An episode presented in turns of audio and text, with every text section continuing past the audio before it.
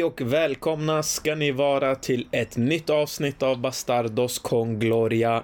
Vi skriver in avsnitt nummer 111, men eh, det kan ha kommit ut något avsnitt till. Vi vet inte riktigt vilket avsnitt vi är på, men vi säger 111. Eh, vi är glada att få vara tillbaka. Senast vi spelade in, jag och Bergarinho kollade här. Bergar, senast vi spelade in var 17 maj. Mycket har hänt sedan dess, eller hur? Mm. Verkligen. Det var um, lite surr om Copa del Rey-final och uh, vi, det var i väntan på City-matcherna. Mm. Precis. Så uh, ni förstår säkert, vi har en hel del att uh, prata om. Och uh, jag vill bara säga till lyssnarna, jag sitter ute på min balkong. Som ni hör fåglar som kvittrar, bilar, folk som går, så vet ni varför. Men det är alltid lite trevligt och ha lite ljud omkring, eller hur Bereri? Absolut, du lever livet. Fint väder, sitta ute på balkongen. Exakt. Snacka ja. lite fotboll. Yes, yes, yes. Ja, nej, jag är taggad, eh, verkligen taggad att starta igång det här avsnittet. Eh, som sagt, mycket, mycket att eh, prata om. Hörni, vi börjar med att gå in på lite hur säsongen har varit. Vi vill ju såklart summera ändå ihop och summera den här säsongen, knyta ihop säcken och så att ni får höra lite hur vi tänker och tycker. Börjar, jag börjar med dig först.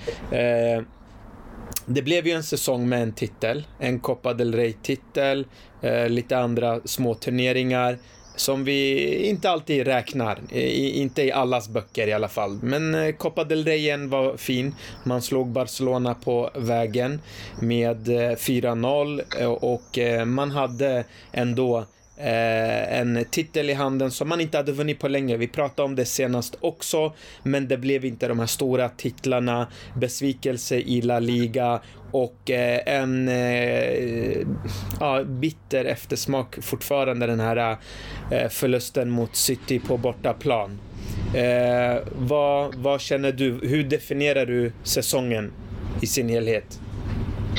Nej, men eh, jag skulle säga att det har varit en eh, en, en fyra av tio skulle jag ge i betyg till den här säsongen. Och eh, fyran är ju främst på grund av eh, Copa del Rey där vi verkligen gjorde en bra turnering. Vi slog ut Villarreal, Atletico Madrid, Barca. Bekvämt skulle jag säga, ändå vann finalen. Eh, och det var länge sedan vi gick för den titeln och gjorde det så det var verkligen bra. Men ja. för övrigt så känner jag ligaspelet, Champions League till en viss del. Visst, absolut, man slår ut Chelsea, Liverpool. Ja, jag menar, ja. Liksom, det har inte varit de absolut bästa lagen den här säsongen eh, eh, heller. Så att, eh, det är inget att skryta om gällande Champions League. Man tar sig till semifinal. Det är självklart i sig bra. Det är, det är, liksom, det är där Real Madrid ska befinna sig bland topp fyra åtminstone. Men ja. eh, som du var inne på, den här kallduschen man får i, i bortamatchen mot City eh, under, eh, under all kritik eh, och ligaspelet, att man ändå tappar en liga till Barca mm. som egentligen, egentligen inte är eh, det laget man ska frukta eller det laget som eh, ska ligga 10 poäng före i en ligatabell. Så att, eh, mm. ja, för min del, ja, som sagt, en okej okay. och eh, i Real Madrids fall är okej okay inte godkänt. Nej. Jag, jag, jag tänker ju så här att eh, alla eh, fotbollsfans vill att sitt lag ska vinna titlar. Men så att lyssnarna ska förstå hur jag tänker och även säkert du också Bergar, det är ju att titlar är ju inte allting. Om man ser liksom en progression, en utveckling, så är man ju inte irriterad. Då tänker man vänta bara till nästa säsong. Vänta bara till nästa säsong. När vi får det där pusslet eller när den spelaren kommer, eller det här lilla, bara vi jobbar lite på det här, då kommer vi se någonting större. Man, man måste se liksom den stora bilden. Men det har inte varit det.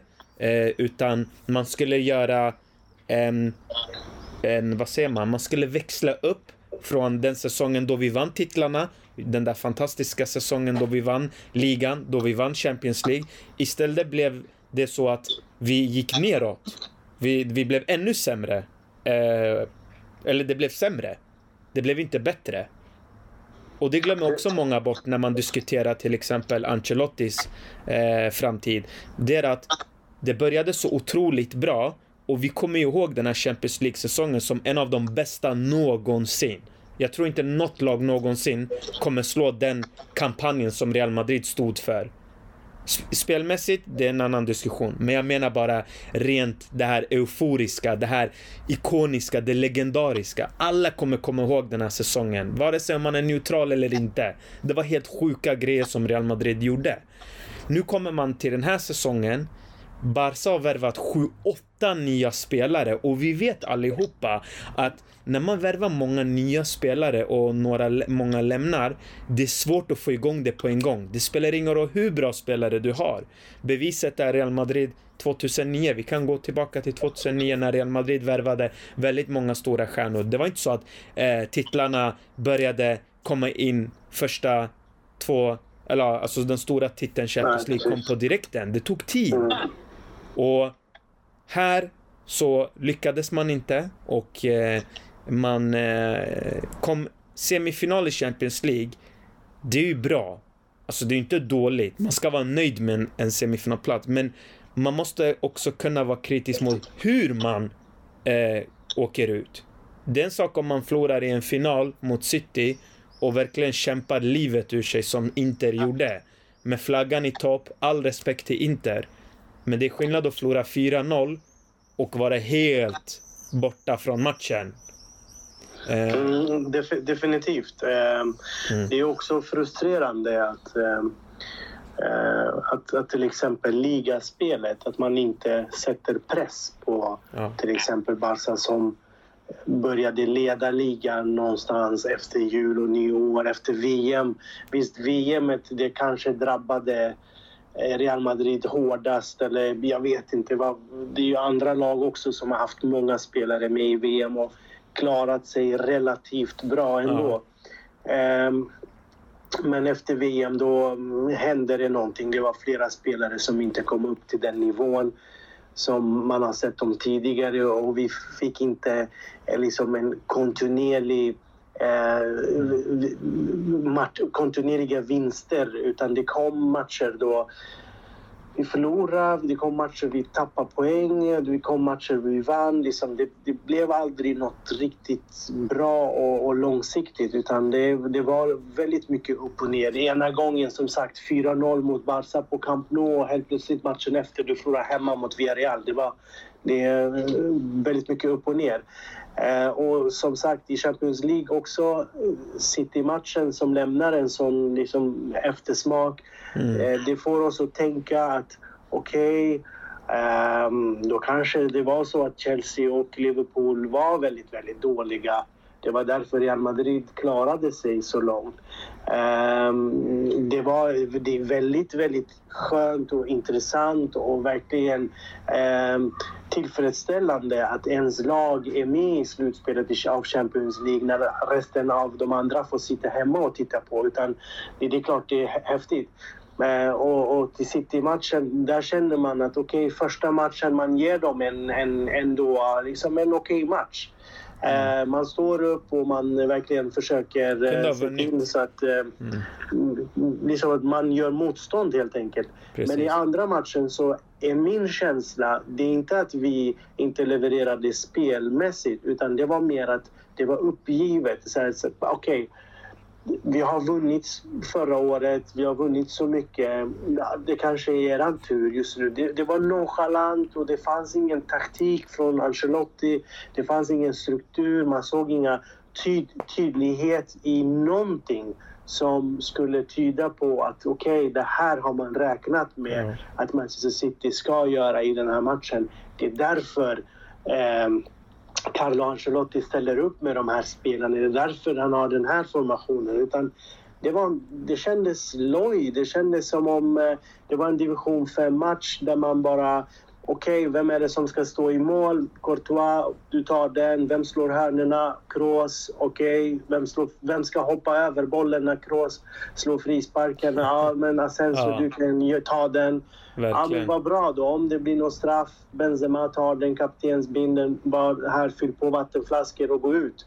Det, det kändes som så.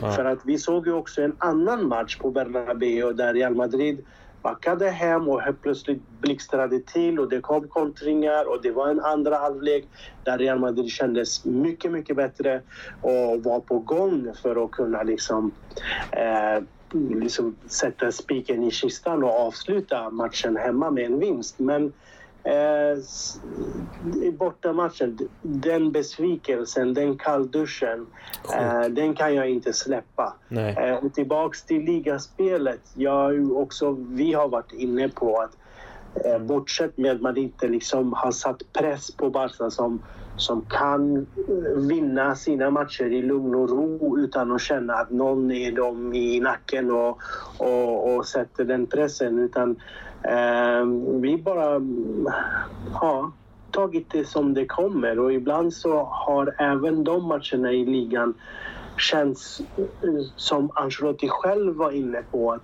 ja, men Jag har inte lyckats motivera spelarna var tredje dag hela tiden. Det har, varit, det har funnits tider då jag inte kunnat göra det. Det är den känslan vi, vi fick och vi har med oss nu efter ja. säsongen. Mm. Nej, alltså du är inne på intress några intressanta saker. Det, det, det jag tänker är att vi, vi har ju diskuterat det väldigt mycket. Du har varit inne på det väldigt länge. Ancelotti roterade inte. Ancelotti kunde, kunde inte... Sen är det så här, det är en sak att rotera bara för roterandets skull. Det är fel. Men det är en sak att lita på dina spelare i ditt system.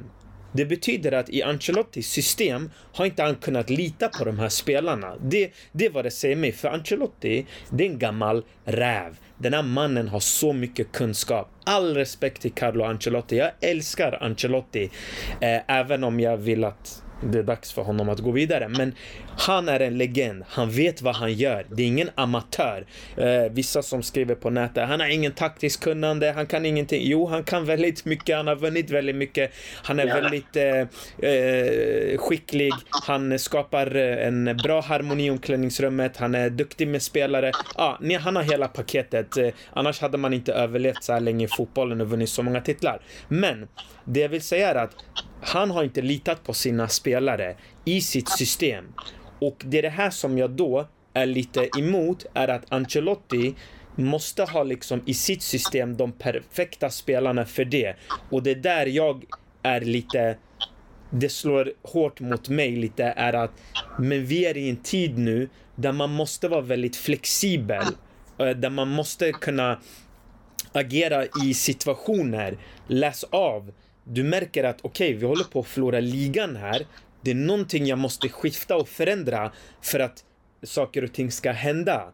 Du fastnade på en match. Det, jag, jag, kan inte komma ifrån det. Man vinner Copa del Rey 4-0 borta mot Barca. Sen den matchen så valde han att köra den här formationen med Rodrigo. Varför? Du, du förlitade dig på en och samma match. Och så valde du att utgå ifrån hela den hela vägen in. Där tycker jag nästan han gick lite bort sig. Att han förlitade sig för mycket på sina spelare. Ja, och sen precis. blev det att han inte förlitade sig alls på dem. För att de har i någon match inte lyckats. Men det säger mig att i hans system så var inte han nöjd med de här spelarna. Och det är okej. Okay. Som tränare ibland så vet vi inte bakgrunden till varför vissa spelare bänkas. Guardiola gör det hela tiden. Klopp har också gjort det. Tuchel gör det också. De bästa tränarna i världen gör det. Fine. Men du måste kunna i dagens moderna fotboll, du måste kunna förstå att ej, nu börjar gå saker och ting gå fel håll. Låt mig testa någonting nytt eller låt mig lita på den här spelaren. Eh, och det brukade Ancelotti vara grym på. Di Maria-rollen, han har gjort det tidigare förra säsongen med Valverde. Eh, den här säsongen, det fanns inget eh, nytt moment. Det fanns ingen joker, någonting som, någonting som kunde hända, någonting som kunde förändras. Så min fråga till dig börjar efter det här långa utlägget, det är att vi har ju pratat om varför säsongen blev som den blev. Vi kan fortsätta prata om det, men jag tänker det som är intressant är ändå framåt här nu. Kommer Ancelotti, tror du, ändra någonting? Eller tror du han kommer fortsätta på samma sätt och vi kommer se samma Real Madrid och vi kommer ha samma diskussioner om hur det har varit? Vad tror du? Uh, nej, men jag, jag, jag har jättesvårt för att, uh, att det skulle ske någonting annorlunda. Att han mm. skulle mm. typ, typ byta stil eller um, helt plötsligt göra saker och ting på ett annat sätt som han inte har gjort tidigare. Det, det har jag väldigt svårt för. för att han är i, i, liksom, i den åldern, den stilen han har haft, den stilen har han vunnit med.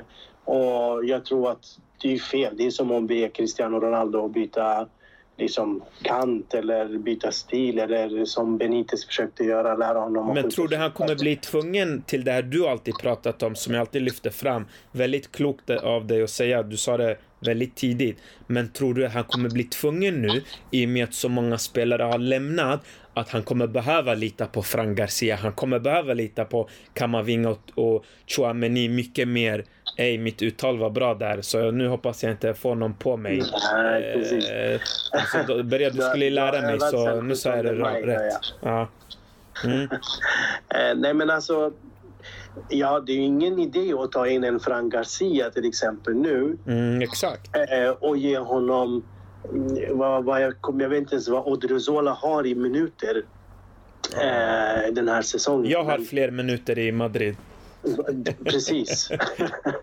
det, det, måste vara så. Och det är ingen idé. För att mm. du pratar om Pep till exempel. Han mm. bänkar spelare. Han gjorde två byten i finalen. Mm. Han räknar inte ens med Mares till exempel och så vidare. Och så vidare. Mm. Men Mares har spelat över 30 matcher mm. den här säsongen.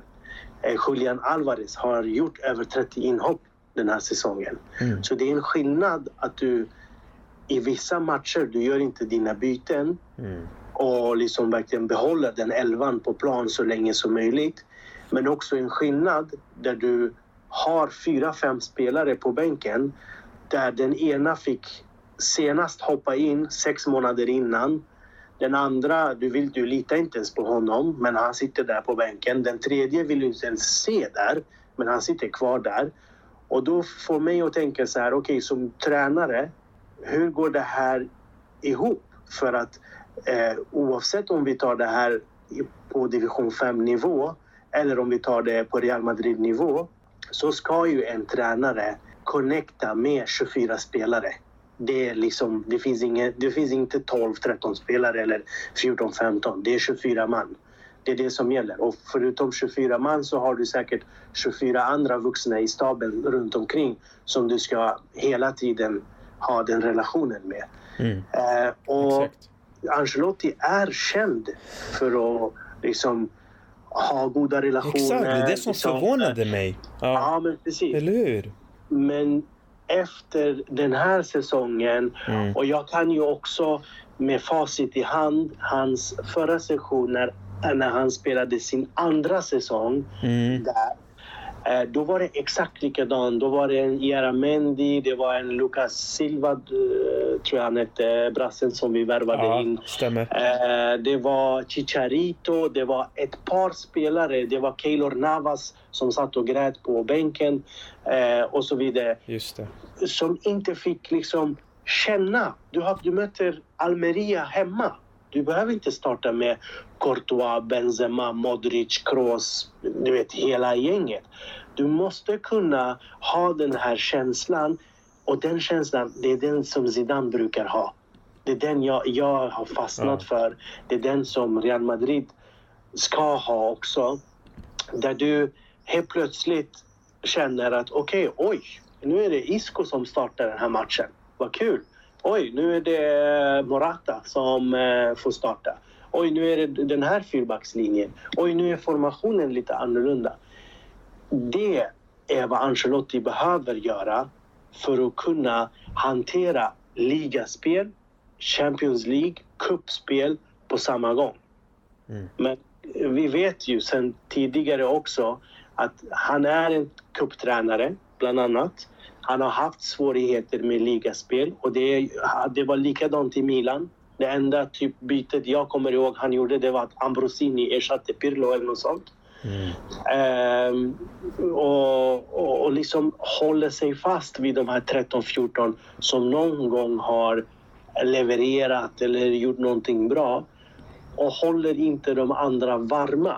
Men kan, kan det också vara en grej från ledningen då, Bergar, att Perez säger att det viktigaste i Real Madrid, det är inte ligan. Det är att vinna Champions League. Och för att vinna Champions League så har vi märkt att om man fipplar och fupplar och ändrar och för mycket man åker ut med huvudet före. Guardiola bästa exemplet. Han har dyraste truppen, men den här säsongen, han har behållit samma kärna, spelat dem i väldigt många matcher. Haaland, De Bruyne, eh, Grealish, de har spelat ganska många matcher nu eh, tillsammans. Tror du inte då att kan det här vara då från ledningen att i Real Madrid och hela klubbens identitet. Vi ska vinna kupperna. Vi ska vinna Champions League. Det är, det är din uppgift. Främsta uppgift. Du ska, ligan den kommer sekundärt. Och då tänker han att okej, okay, för att jag ska vinna och, och vinna Champions League, då gäller det att jag satsar på de här 14. Vad, vad, vad, eller vad, vad tror du där? Jo men tack, du säger ju det. Det är, alltså, det är mm. självklart. Det är så det är i Real Madrid. Det är Champions League först, sen är det liga. Men om målet är att vinna Champions League då spelar du inte med dina bästa spelare tre dagar innan du ska spela en Champions League-match. Ja. I ett ligaspel, om det är så fallet. Jag håller med dig. Ja. Nej, men det är sant. Eller, du mm. spelar inte 90 minuter med dem.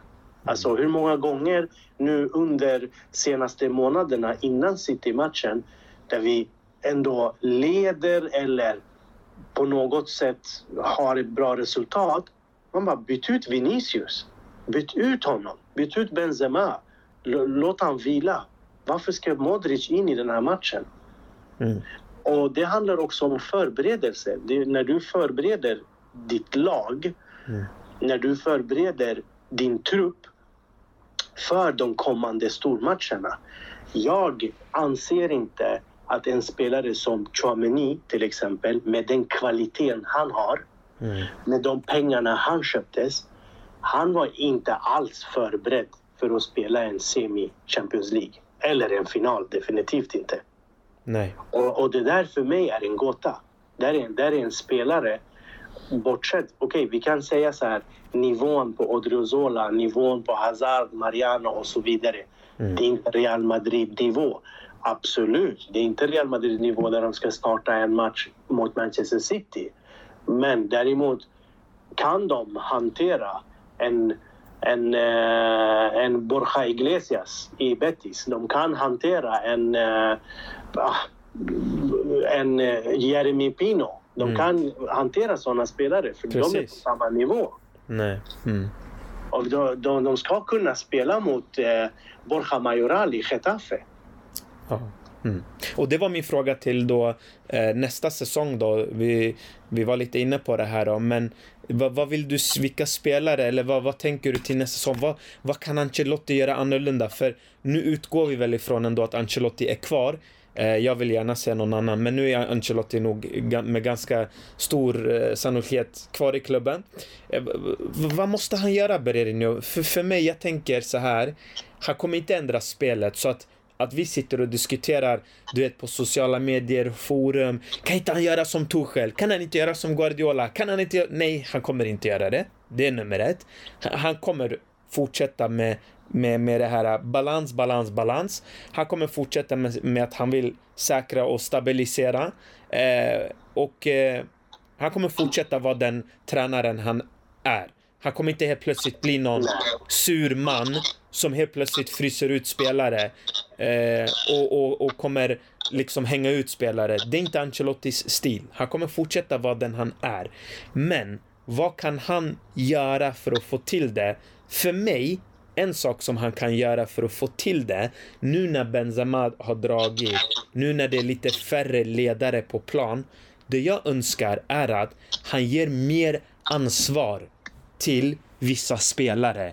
Ge dem ännu mer ansvar. Lägg mer ansvar på de här spelarna som delvis har gjort det till en liten del, men även som en kille som Kamavinga och eh, Chouameni Gör det du gjorde med Vinicius. Så precis som du gjorde med Vinicius. Hur fick han Vinicius att... Okej, okay, Vinicius från dag ett såg nog de flesta eh, att han var helt galen och brutal. Men den här utväxlingen, det, det, det såg vi inte komma. Den, den var brutal, speciellt förra året. Men jag tror att ska han liksom få till en bra säsong nästa säsong, snälla Ancelotti, du måste våga lita på vissa spelare. Du, du kan inte liksom bara använda ett visst antal spelare eh, och sen bara ta det därifrån.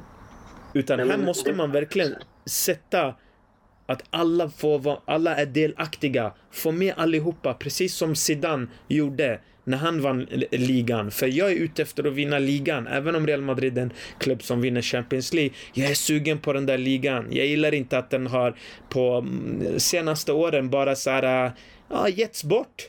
Jag tycker man ger bort ligan. Real är bättre än Barcelona, helt ärligt. Jag tycker det. Man är bättre än Barca. Jag bryr mig inte om vad ligan säger. Folk kan kalla mig blind eller ja, han är Real Madrid-supporter. Han säger bara så för att eh, han kan inte erkänna. Nej, Barca har såklart gjort det bra. De har eh, vunnit sina matcher. Men jag tycker bara att Real ska vinna ligan. De är bättre. Punkt slut. Och det, det var inte acceptabelt det som hände den här säsongen. Lägg till också. Busquets drar. Alba drar. Piqué drar.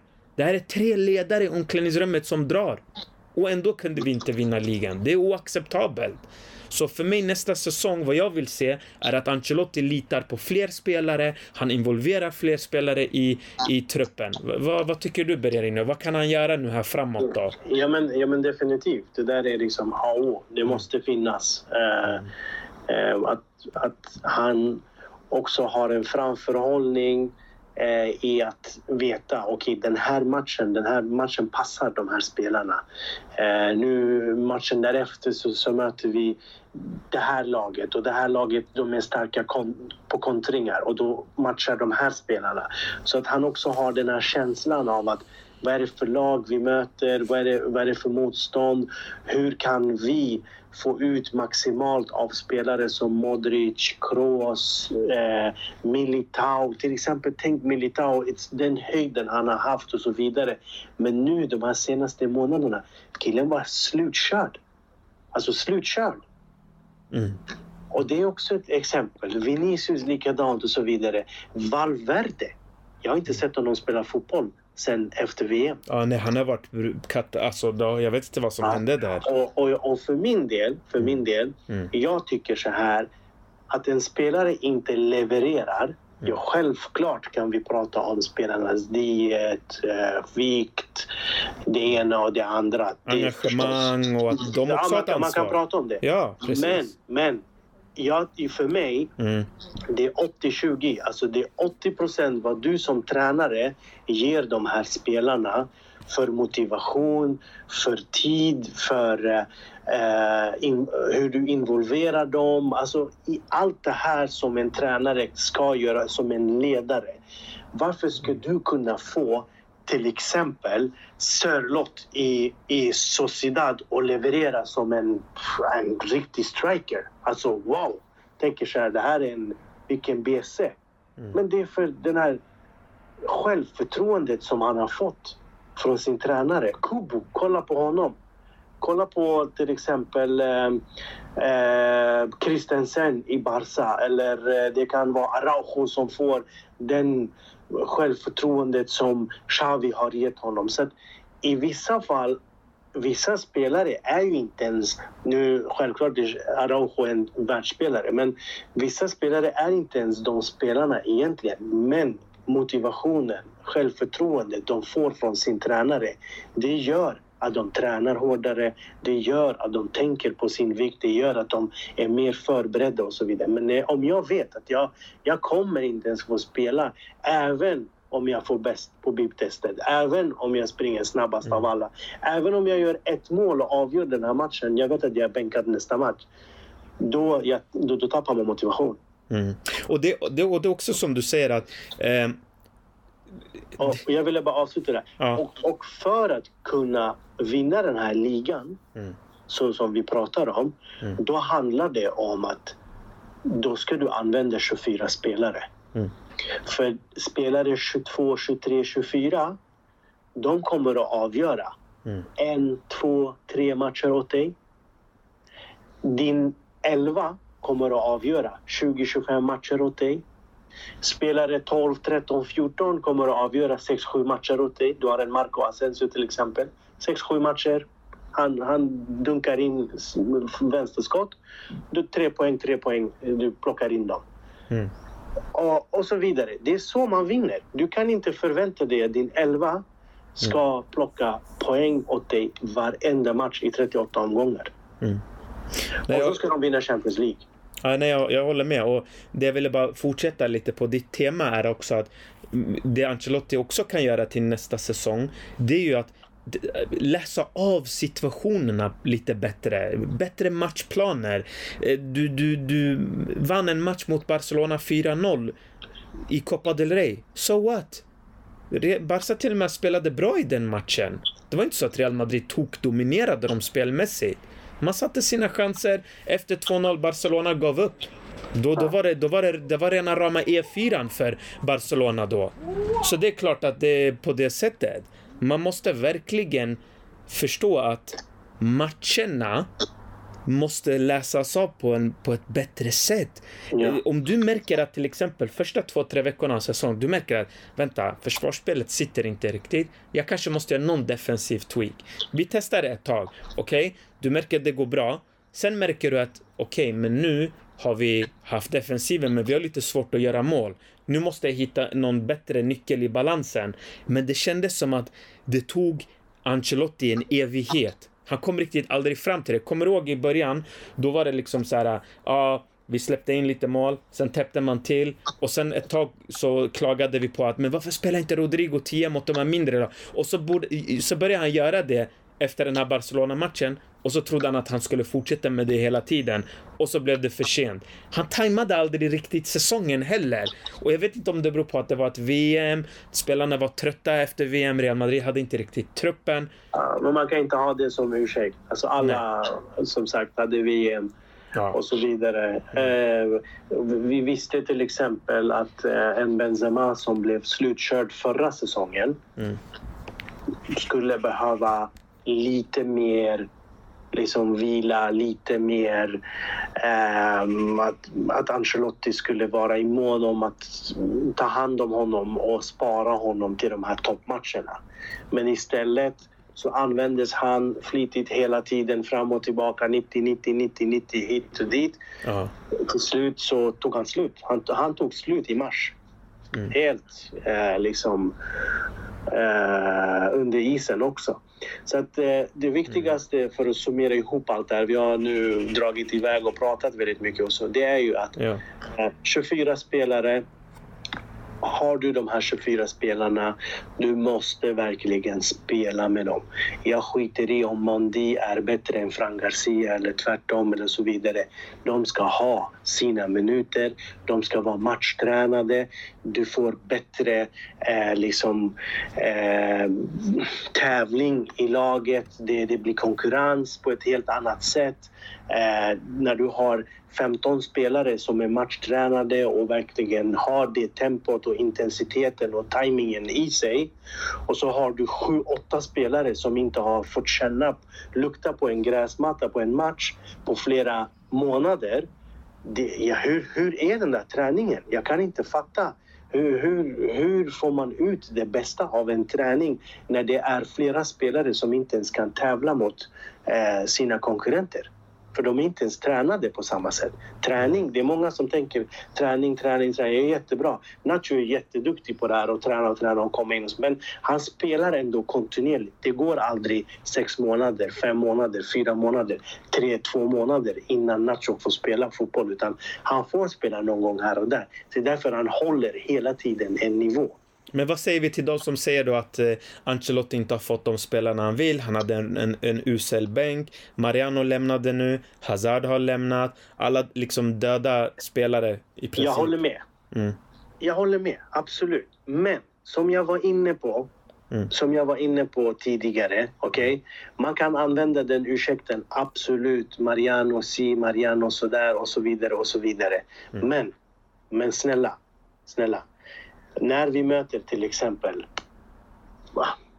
jag vill inte säga, nämna namn, men, men, men du, du möter spelare Rodrigo Eli, du möter eh, Portillo, du möter eh, alltså, eh, spelare som egentligen inte ens är nära nivån av en Mariano egentligen.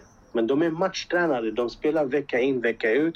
Det är därför de kan hantera det. Men när du möter mindre motstånd, när du möter lag från den nedre halvan. Benzema behöver inte spela 90 minuter, eller behövde inte göra det. Inte Vinicius heller, inte Rodrigo heller. Mm. Yeah. Och, och det hade räckt med 10 här, kvarten där och så vidare. För i längden blir det där mycket. Precis. Om Benzema över två månader får avsluta. Kommer du ihåg när Zidane alltid bytte ut Benzema i vad var det, 60 minuten, 70 minuten? Mm. Alltid. Varför? För han hade ingen annan nia. Utan det var Ronaldo, det var Benzema, de startade. Så att han skickade över honom eh, till bänken, skickade in en annan spelare bara för att bespara honom hela tiden. För han kände att det här var en spelare som var viktig i, min, liksom, i mitt anfallsspel. Så att eh, har vi nu, nu har vi ju ändå sorterat ut. Det är Hazard är borta, Diaz är borta. Eh, Asensio är borta. Även om han ändå var den som spelade väldigt mycket. Mm. Eh, jag tänker att Ancelotti, kom igen nu. Skicka ut eh, Vallejo, skicka ut Odriozola. Gulle-gulle inte med dem och säg ni kan stanna och vara fin relation och aldrig spela med dem. Det är onödigt. Mm. Nej. Jag... Ta bort dem och så mm. får vi in eventuellt några. För ledningen, som vi märker nu, det är ändå starkt av dem att gå in och bryta Hazards kontrakt. Mm. Precis. Och de skulle kunna ha gjort det med Mariano också förra säsongen, jag lovar dig. Mm. Men vad tycker du att så, så många har lämnat då Real Madrid och eh, att det kommer liksom komma en hel del nya spelare. Vi vet att eh, Jude Bellingham är också officiellt klar. Fran Garcia är klar. Det ryktas om några spelare. Men eh, oftast när många spelare lämnar och speciellt en viktig person som Benzema, Hazard, eh, Asensio. De här har varit viktiga i omklädningsrummet. Man kan säga vad man vill om Hazard, men han har ändå bidragit mycket i omklädningsrummet, vad jag har förstått. Vad, vad, vad, hur tror du det här kommer påverka Real? Hur hade du agerat nu? Ska man nu gå loss och värva in väldigt mycket, eller ska man liksom ta det lugnt och bara värva några styckna och hålla det på liksom låg nivå? Vad tror du? Ja, men jag menar alltså, eh, vi pratar om Benzema, det är lagets kapten. Det är lagets bästa målskytt. Ja. Eh, det är inte logiskt om han skulle bli ersatt med en spelare som Mariano. som inte är i närheten. Ja. Det, är inte no, det är ingen som är Benzema, men någon måste ändå mm. Jag tänkte på att när folk säger att Ronaldo... En annan typ av spelare. Ja. Det, det vore i så fall Mbappé. Det är en annan typ. Det är en världsspelare. Typ. Men eh, ja. så den måste man ju ersätta. Mm. Sen att man får in en... Jag ser Brahim Diaz till exempel som har kommit in Just som en ersättare för Hazard. Mm. Ja, definitivt. Han kommer säkert leverera mm. mer än vad Hazard gjorde. Har han samma spets och så vidare? Mm, ja, jag vet inte. Jag har inte sett det där riktiga ännu, men han är ung. Han kanske får ut mer i ett lag som Real Madrid. Mm. Eh, det är viktigt att få in en, eh, en två vassa liksom, eh, avbytare också. Alltså, mm. Då pratar jag om spelare 12-13. För att nu så ser jag, om man tittar på lag, alltså, laget som vi har det är många som är med och slåss i, eller om en startplats. Eh, definitivt, det finns viss konkurrens, särskilt på mittfältet och även i backlinjen. Eh, men däremot så ser jag inte så mycket framåt. Eh, jag ser inte att Brahim Diaz skulle till exempel kunna varken peta Vinicius eller Rodrigo. Ingen av dem behöver vara orolig. Men däremot så kände jag, eller kunde man någon gång känna att Rodrigo och Asensio, där finns det en konkurrens. Rodrigo, Asensio och Valverde, där fanns det en konkurrens. Men nu ser jag inte det. Så det behövs få in ja, inte några stora världsstjärnor, men några liksom som ändå kan vara där och nosa på en, på en startplats i offensiv eh, väg. För där saknas, vi måste få in mål. Mm. För vi Absolut. tappade Cristiano, det var Benzema som levlade upp. Mm. Eh, nu tappar vi Benzema också och det, det behövs någon som garanterar 25-30 mål, minst i alla fall. Ja, nej. Sen, sen bara för att klargöra en annan grej. Mm. Eh, därför vi är ändå inne på truppen. Ancelotti hade, litade inte på de här spelarna och så vidare som många brukar säga och så vidare. Men fine, det är okej. Men vart är de här fyra, fem, sex Castilla-spelarna som har fått debutera under Ancelotti? Mm. Varför finns inte de? Ja. Som förresten Varför har vi slog bara Barca spellag med Alba? 3-0. Mm. Vart är Nico Paz? Mm. Varför fick Arribas bara en minut? Han gjorde ett mål, sen var det goodbye. Vi fick, vi fick aldrig se honom igen. Iker Bravo. Var är Iker Bravo? Var, alltså, det finns flera spelare. Nu kanske vi kommer efter det här gå in på Real Madrid Castillas match i playoffen igår eh, mot, mot Barça B. Precis. Eh, och så vidare. Det finns många fina spelare. Eh, och många gånger, många, många gånger, jag, jag kan ta fram statistik där vi har haft en eller två Castilla-spelare på bänken. Carlo Ancelotti har gjort en eller två byten. Vi har haft ledning i de matcherna, så vi inte behövt tänka så här, åh, vi behöver verkligen levla upp. Ehm, han har inte litat på Hazard. De har Nej, tänkt så här, kom igen, ge honom tiden. Inte på Mariano, inte på Vallejo, inte på Odriozola. Precis. Men han har, han har samtidigt inte gett de här Castilla-spelarna. Så han har valt att göra två byten när han har tre byten kvar och inte ge dem en minut, två minuter, tre minuter. Låt dem få debutera. Låt dem få känna liksom, eh, eh, vad heter han, Vinicius Tobias, var är han? Vart, var skulle han? Varför fick inte han lite minuter så att ledningen skulle verkligen kunna få se att det här är en bra spelare? Absolut. Ja, jag håller med. Verkligen. Och det, det, det är liksom, liksom... Om man ska gå tillbaka lite en eh, tid tillbaka. Jag brukar återkomma till den här uh, Perez-intervjun när han pratar om att värva unga spelare, det är nya tider, det går inte att värva som förut. Man vill gärna hitta de här diamanterna innan de blir värda 2-3 miljarder. Och det gjorde man i form av till exempel Rodrigo, eh, Vinicius såklart, eh, Kamavinga eh, och så vidare. Och nu säger han igen Perez att, eh, att värva ungdomar är en strategic line. Eh, det är en strategi som man har. Och om man har det eh, och man ska satsa på ungdomar här framåt, då hoppas jag såklart, som du säger, att man tar från Castilla också. Eh, jag nämnde det till några grabbar som eh, vi pratade i en chattgrupp och jag sa vi måste få fram fler Castilla-spelare. Eh, och inte liksom bara titta utåt vad som finns. Men jag tror att om det ska bli en lyckad säsong, vilket jag tror det kommer bli en mellansäsong, men det är för att många har lämnat och det ska komma in några nya. Det tar alltid lite tid. Men man får ju hoppas att med Ancelottis rutin och erfarenhet att han kan ändå balansera ut det. Det har jag ändå ett hopp om när det kommer till Ancelotti. Jag vill gärna se några nya spelare, till exempel Harry Kane. Jag tycker att det är en fantastisk värvning faktiskt, om det skulle ske.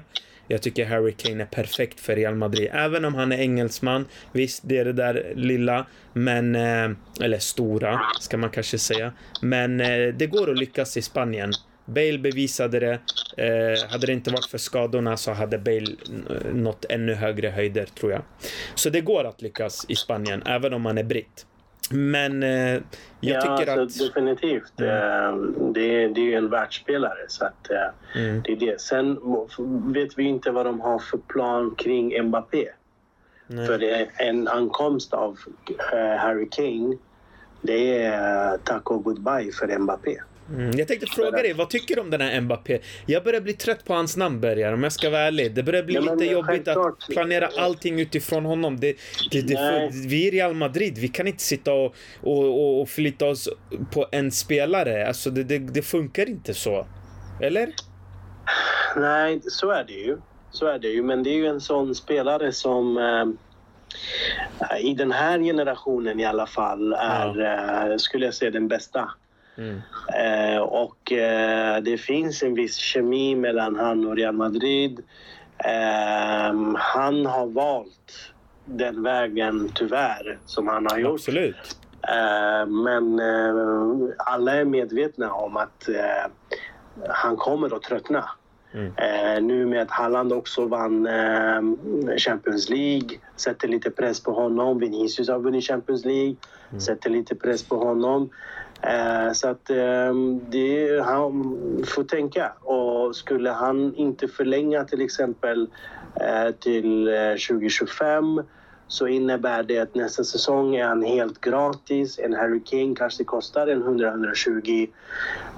Kan man hitta en tillfällig lösning däremellan Alltså nu, Harry Kane är ju Harry Kane men eh, kan man hitta en billigare lösning så länge ja, det kan gå. En Firmino kanske, en Havertz tänkte de på. Ja, precis. Eh, och så vidare. Eh, mm. Det behöver ju inte alltid vara världsstjärnor heller. Eh, det finns redan gott om stjärnor i Real Madrid.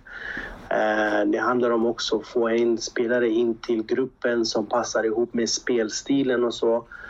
Absolut. Får vi in en som passar ihop med det sättet Ancelotti vill spela men också i Real Madrid eh, så behöver det inte vara supernamn. Det behöver inte vara Mo Salah eller eh, ja, någon jättestjärna utan det, det kan ju vara en Havertz-nivå.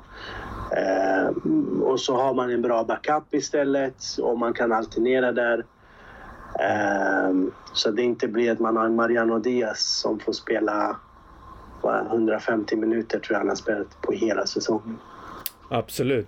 Ja, det, ja, men det ska bli så oerhört spännande att se vad Real Madrid gör. Som du säger, man måste ju ha en balans där. Anledningen till att jag säger liksom, till exempel att en spelare som Kane vore bra, jag tror att han skulle passa in i Real Madrids kultur och eh, han skulle göra det riktigt bra. Men det är som du säger, det kanske blir på bekostnaden av Mbappé. Ja, Mbappé är galet bra, men du vet, man, jag blir bara så här, ah, man, man tappar lite smaken. Det blir så mycket kring honom och man, man, man, man vill inte att det ska bli något så här, vi ska vänta på Mbappé, sen 2024, eh, jag ska tänka på det och så blir det en sån där igen, ah, jag fick världens största kontrakt, tyvärr, jag kommer inte. Du vet att det blir en, en repris på vad vi har sett tidigare.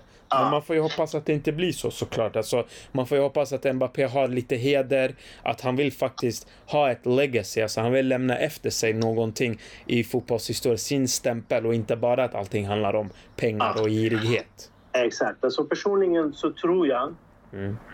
Eh, det är vad jag, vad jag tror. Att eh, Real kommer i slutet av augusti, någon vecka innan transferfönstret, skicka iväg ett bud till, Mbappé, till PSG. Ja, jag, jag, jag har haft också den känslan. Jag skulle inte bli chockad om Mbappé kommer den här veckan. Alltså, Eller förlåt, den här sommaren. Den här, den här fönstret, ja precis. Ja. För att eh, de kommer att försöka.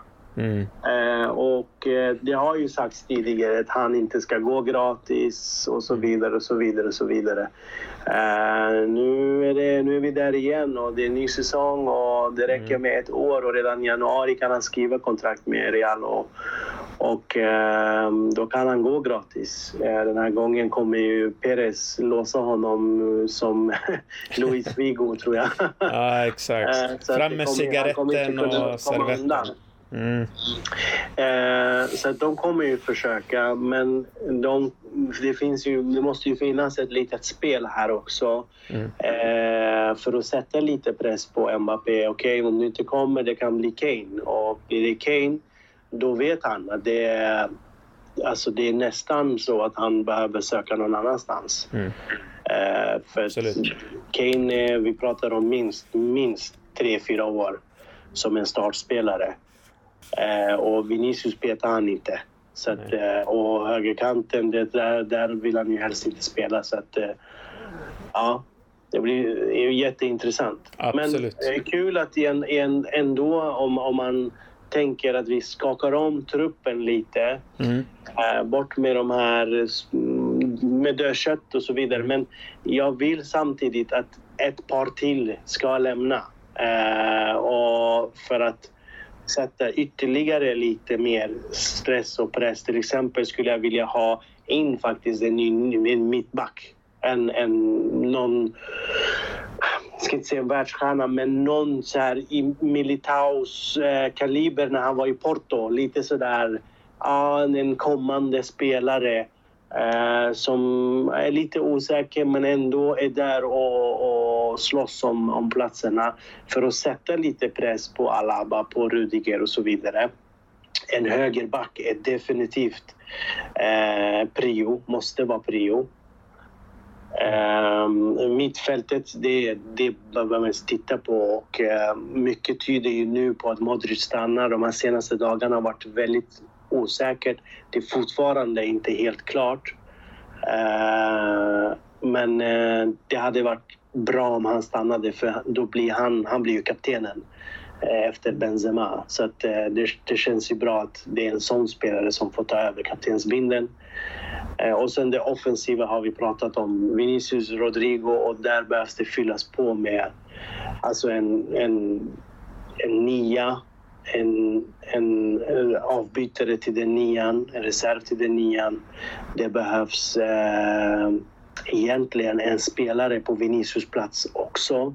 Även om Rodrigo och Brahim Diaz kan också skifta. Men jag hade velat få in en vänsterfot någonstans också. Mm. Vi kommer sakna Marco Asensio tror jag. Vad, vad, tycker du hittills om eh, eh Real Madrids eh, agerande, ledningens agerande? Från 1 till 10, vad, vad skulle du ge dem för betyg? Agerande för... Hittills i transferfönstret, hur, hittills, vad, hur tycker du ledningen har agerat? Man har blivit av med Mariano, man har blivit av med Hazard, man har blivit av med... Eh, hjälp mig. Vem man blir Asensio, av... Mariano, Hazard. Ja. Och man har hämtat in Diaz, Bellingham och... Eh... Fran Garcia. Ja, vad, vad tycker du hittills då? Alltså, du... hittills, hittills är det bra. Hittills, uh, absolut. En stark eh, åtta, eller hur? Jag känner en stark åtta. Ja. ja. Det, det, det är fräscha spelare som kommer in. Fran mm. Garcia framför allt. Mycket fart i den killen. Mm. Egen produkt. Brahim Precis. Diaz, spanjor också. Vi har ju pratat om att vi behöver fylla på med lite spanjorer.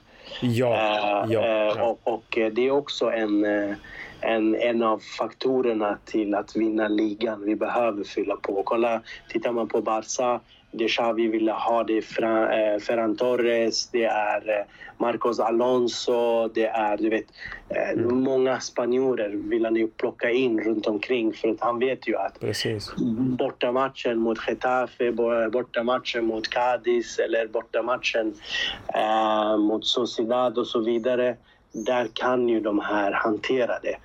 Mm. Eh, eller där kan jag ju spela med dem och kunna vila en Lewandowski eller vila en Champions League-spelare. Eh, så det är viktigt att få in eh, det och förhoppningsvis, jag är, jag är väldigt positiv till Joselu. Jag tycker att han, det, är en, det är en bra spelare. Det är en sån som vi har saknat lite. Du vet Benzema som söker sig ut utanför straffområdet är inte den här klassiska nian som står på straffpunkten och väntar på inläggen. Han söker sig ut för att sen ta sig in och då blir han ju svårstoppad. Men tänk om man har redan någon som är stationerad där inne och så kommer en till mm. eh, på andra våg. Alltså, det har jag saknat lite. Tänk dig mot City. Eh, jag, inte, jag såg inte City eh, Intermatcher men, men jag kan bara tänka mig liksom att som en trebackslinje få möta en stor stark nia hela tiden är tufft. Oavsett om du heter Ruben Diaz eller Akanji eller vad det är. Ja. Och så har du Vinicius på flanken och så vidare. Så det, det, det är viktigt att få in en, en, en tung spelare framåt. Och spanjor också, han vet hur det är att göra mål mot de flesta lagen i ligan. Eh, det är viktigt, men det är också viktigt att han får tid. Ja. Han måste få en 2025. Han måste få starter liksom här och där så det inte går lång tid och så kommer vi se så här, så kolla vilken skitspelare, han kan inte spela. Ja, men när fick han spela senast? Mm. Vad får han för förtroende? Ja, precis. Eh, är det någon spelare börjar hittills som vi har blivit ryktade till som du tycker är intressant? Eh, jag tänkte på, eh, det har varit lite om eh, Havertz också och eh, lite om, ja, en hel del om Kane såklart. Eh, mm. Vad, alltså, vad säger nej, du? hittills, ja, jag vill bara få se kommunikat och official eh, gällande Jude Bellingham. Det, det måste verkligen sitta. Jag, jag väntar på det. Mm. Eh, det här Mbappé-affären förra säsongen har lämnat sina brännmärken någonstans. Mm. Eh, man tänker, eh, oj, även om Fabrizio Romano har sagt “here we go” flera gånger, men jag litar inte på det där. Så Mm. det, det är ju väldigt intressant att få in Bellingham. Det är verkligen eh, så fräscha upp mittfältet eh, med fysik, med mycket teknik, med mycket fart och, och även eh, en bra, alltså en ung bra fotbollsspelare. Eh, sen eh, eh, Kane har vi varit inne på, Mbappé en annan. Eh, jag är lite svag för Firmino även om han har varit lite skadedrabbad och sådär. Så att jag velar lite. För mig, Firmino, Joselu eller Havertz de tar ut varandra på olika sätt. Jag har varit inne på Joselus styrka som spanjor och La Liga och så vidare. Precis. Men i Firmino så får du en rutin när det gäller de här stora matcherna, Champions League och, och så vidare. Och Havertz är en klok spelare, en vänsterfotad som kan droppa lite, som kan spela bakom en nia om det är så att man får in Harry Kane till exempel. Eh, som kan vara hal. Alltså, han har ju alltid gjort mål mot oss eh, varje gång vi har mött Chelsea, är min känsla i alla fall. Eh, där han varit farlig på något sätt. Ehm, så att ehm, det är en intressant spelare, absolut. Eh, ska man verkligen förfina det här helt och hållet så hade ju Havertz varit bra som en ersättare till Mariano och så får man in en Mbappé eller en Harry Kane som ersättare till Benzema. Ja. Ja, Bergarinho, det blir som sagt en väldigt intressant sommar där du och jag kommer såklart att eh, försöka pumpa ut avsnitt och eh, där ni kan lyssna till våra eh, röster och våra åsikter och tankar. Glöm inte att följa våran blogg som vi alltid försöker uppdatera med silly season nyheter. Eh, Bergarinho, har vi glömt något innan vi säger adjö? Eh, nej, jag tänker bara starkt av Raul i B-laget. Eh, fantastisk liksom, remontada igår eh, mot eh, Rafa Marquez Barça B. Eh, det är liksom en, en grupp bra unga fotbollsspelare han har eh, och den fotbollen de spelar väldigt mycket liksom press, aggressivitet, väldigt mycket hjärta, Real Madrid, tuffa närkamper.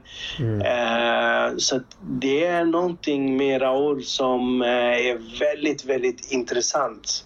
Eh, också en, en önskan om att han skulle kunna kliva upp bredvid Ancelotti den här säsongen.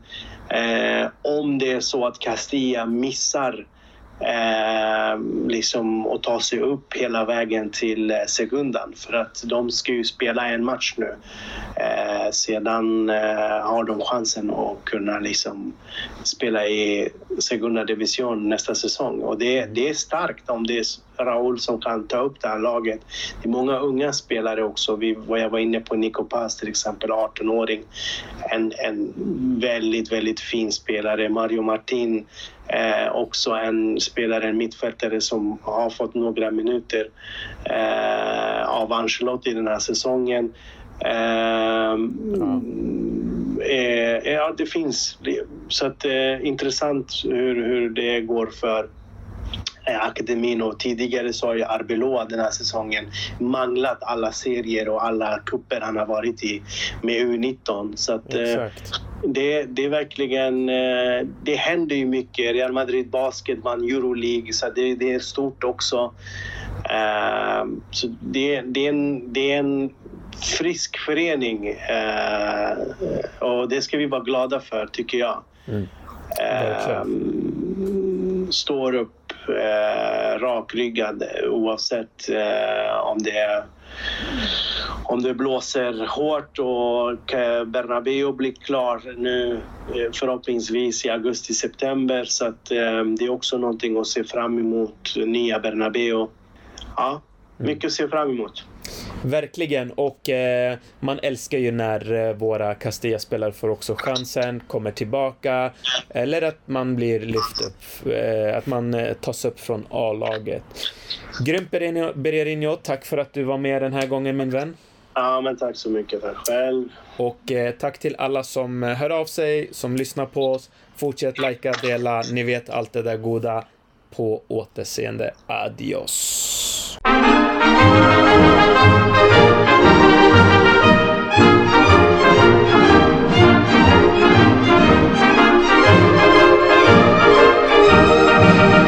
De las glorias deportivas que campean por España. Va el Madrid con su bandera, limpia y blanca que no empaña. Castizo y generoso, todo nervio y corazón. Veteranos y noveles, veteranos y noveles miran siempre sus laureles con respeto y emoción. A la Madrid, a la Madrid, noble y bélico Atalid, caballero del honor, a la Madrid, a la Madrid, a triunfar en buena lid, defendiendo tu color. A la Madrid, a la Madrid, a la Madrid. A la Madrid, a la Madrid. Noble del caballero del honor.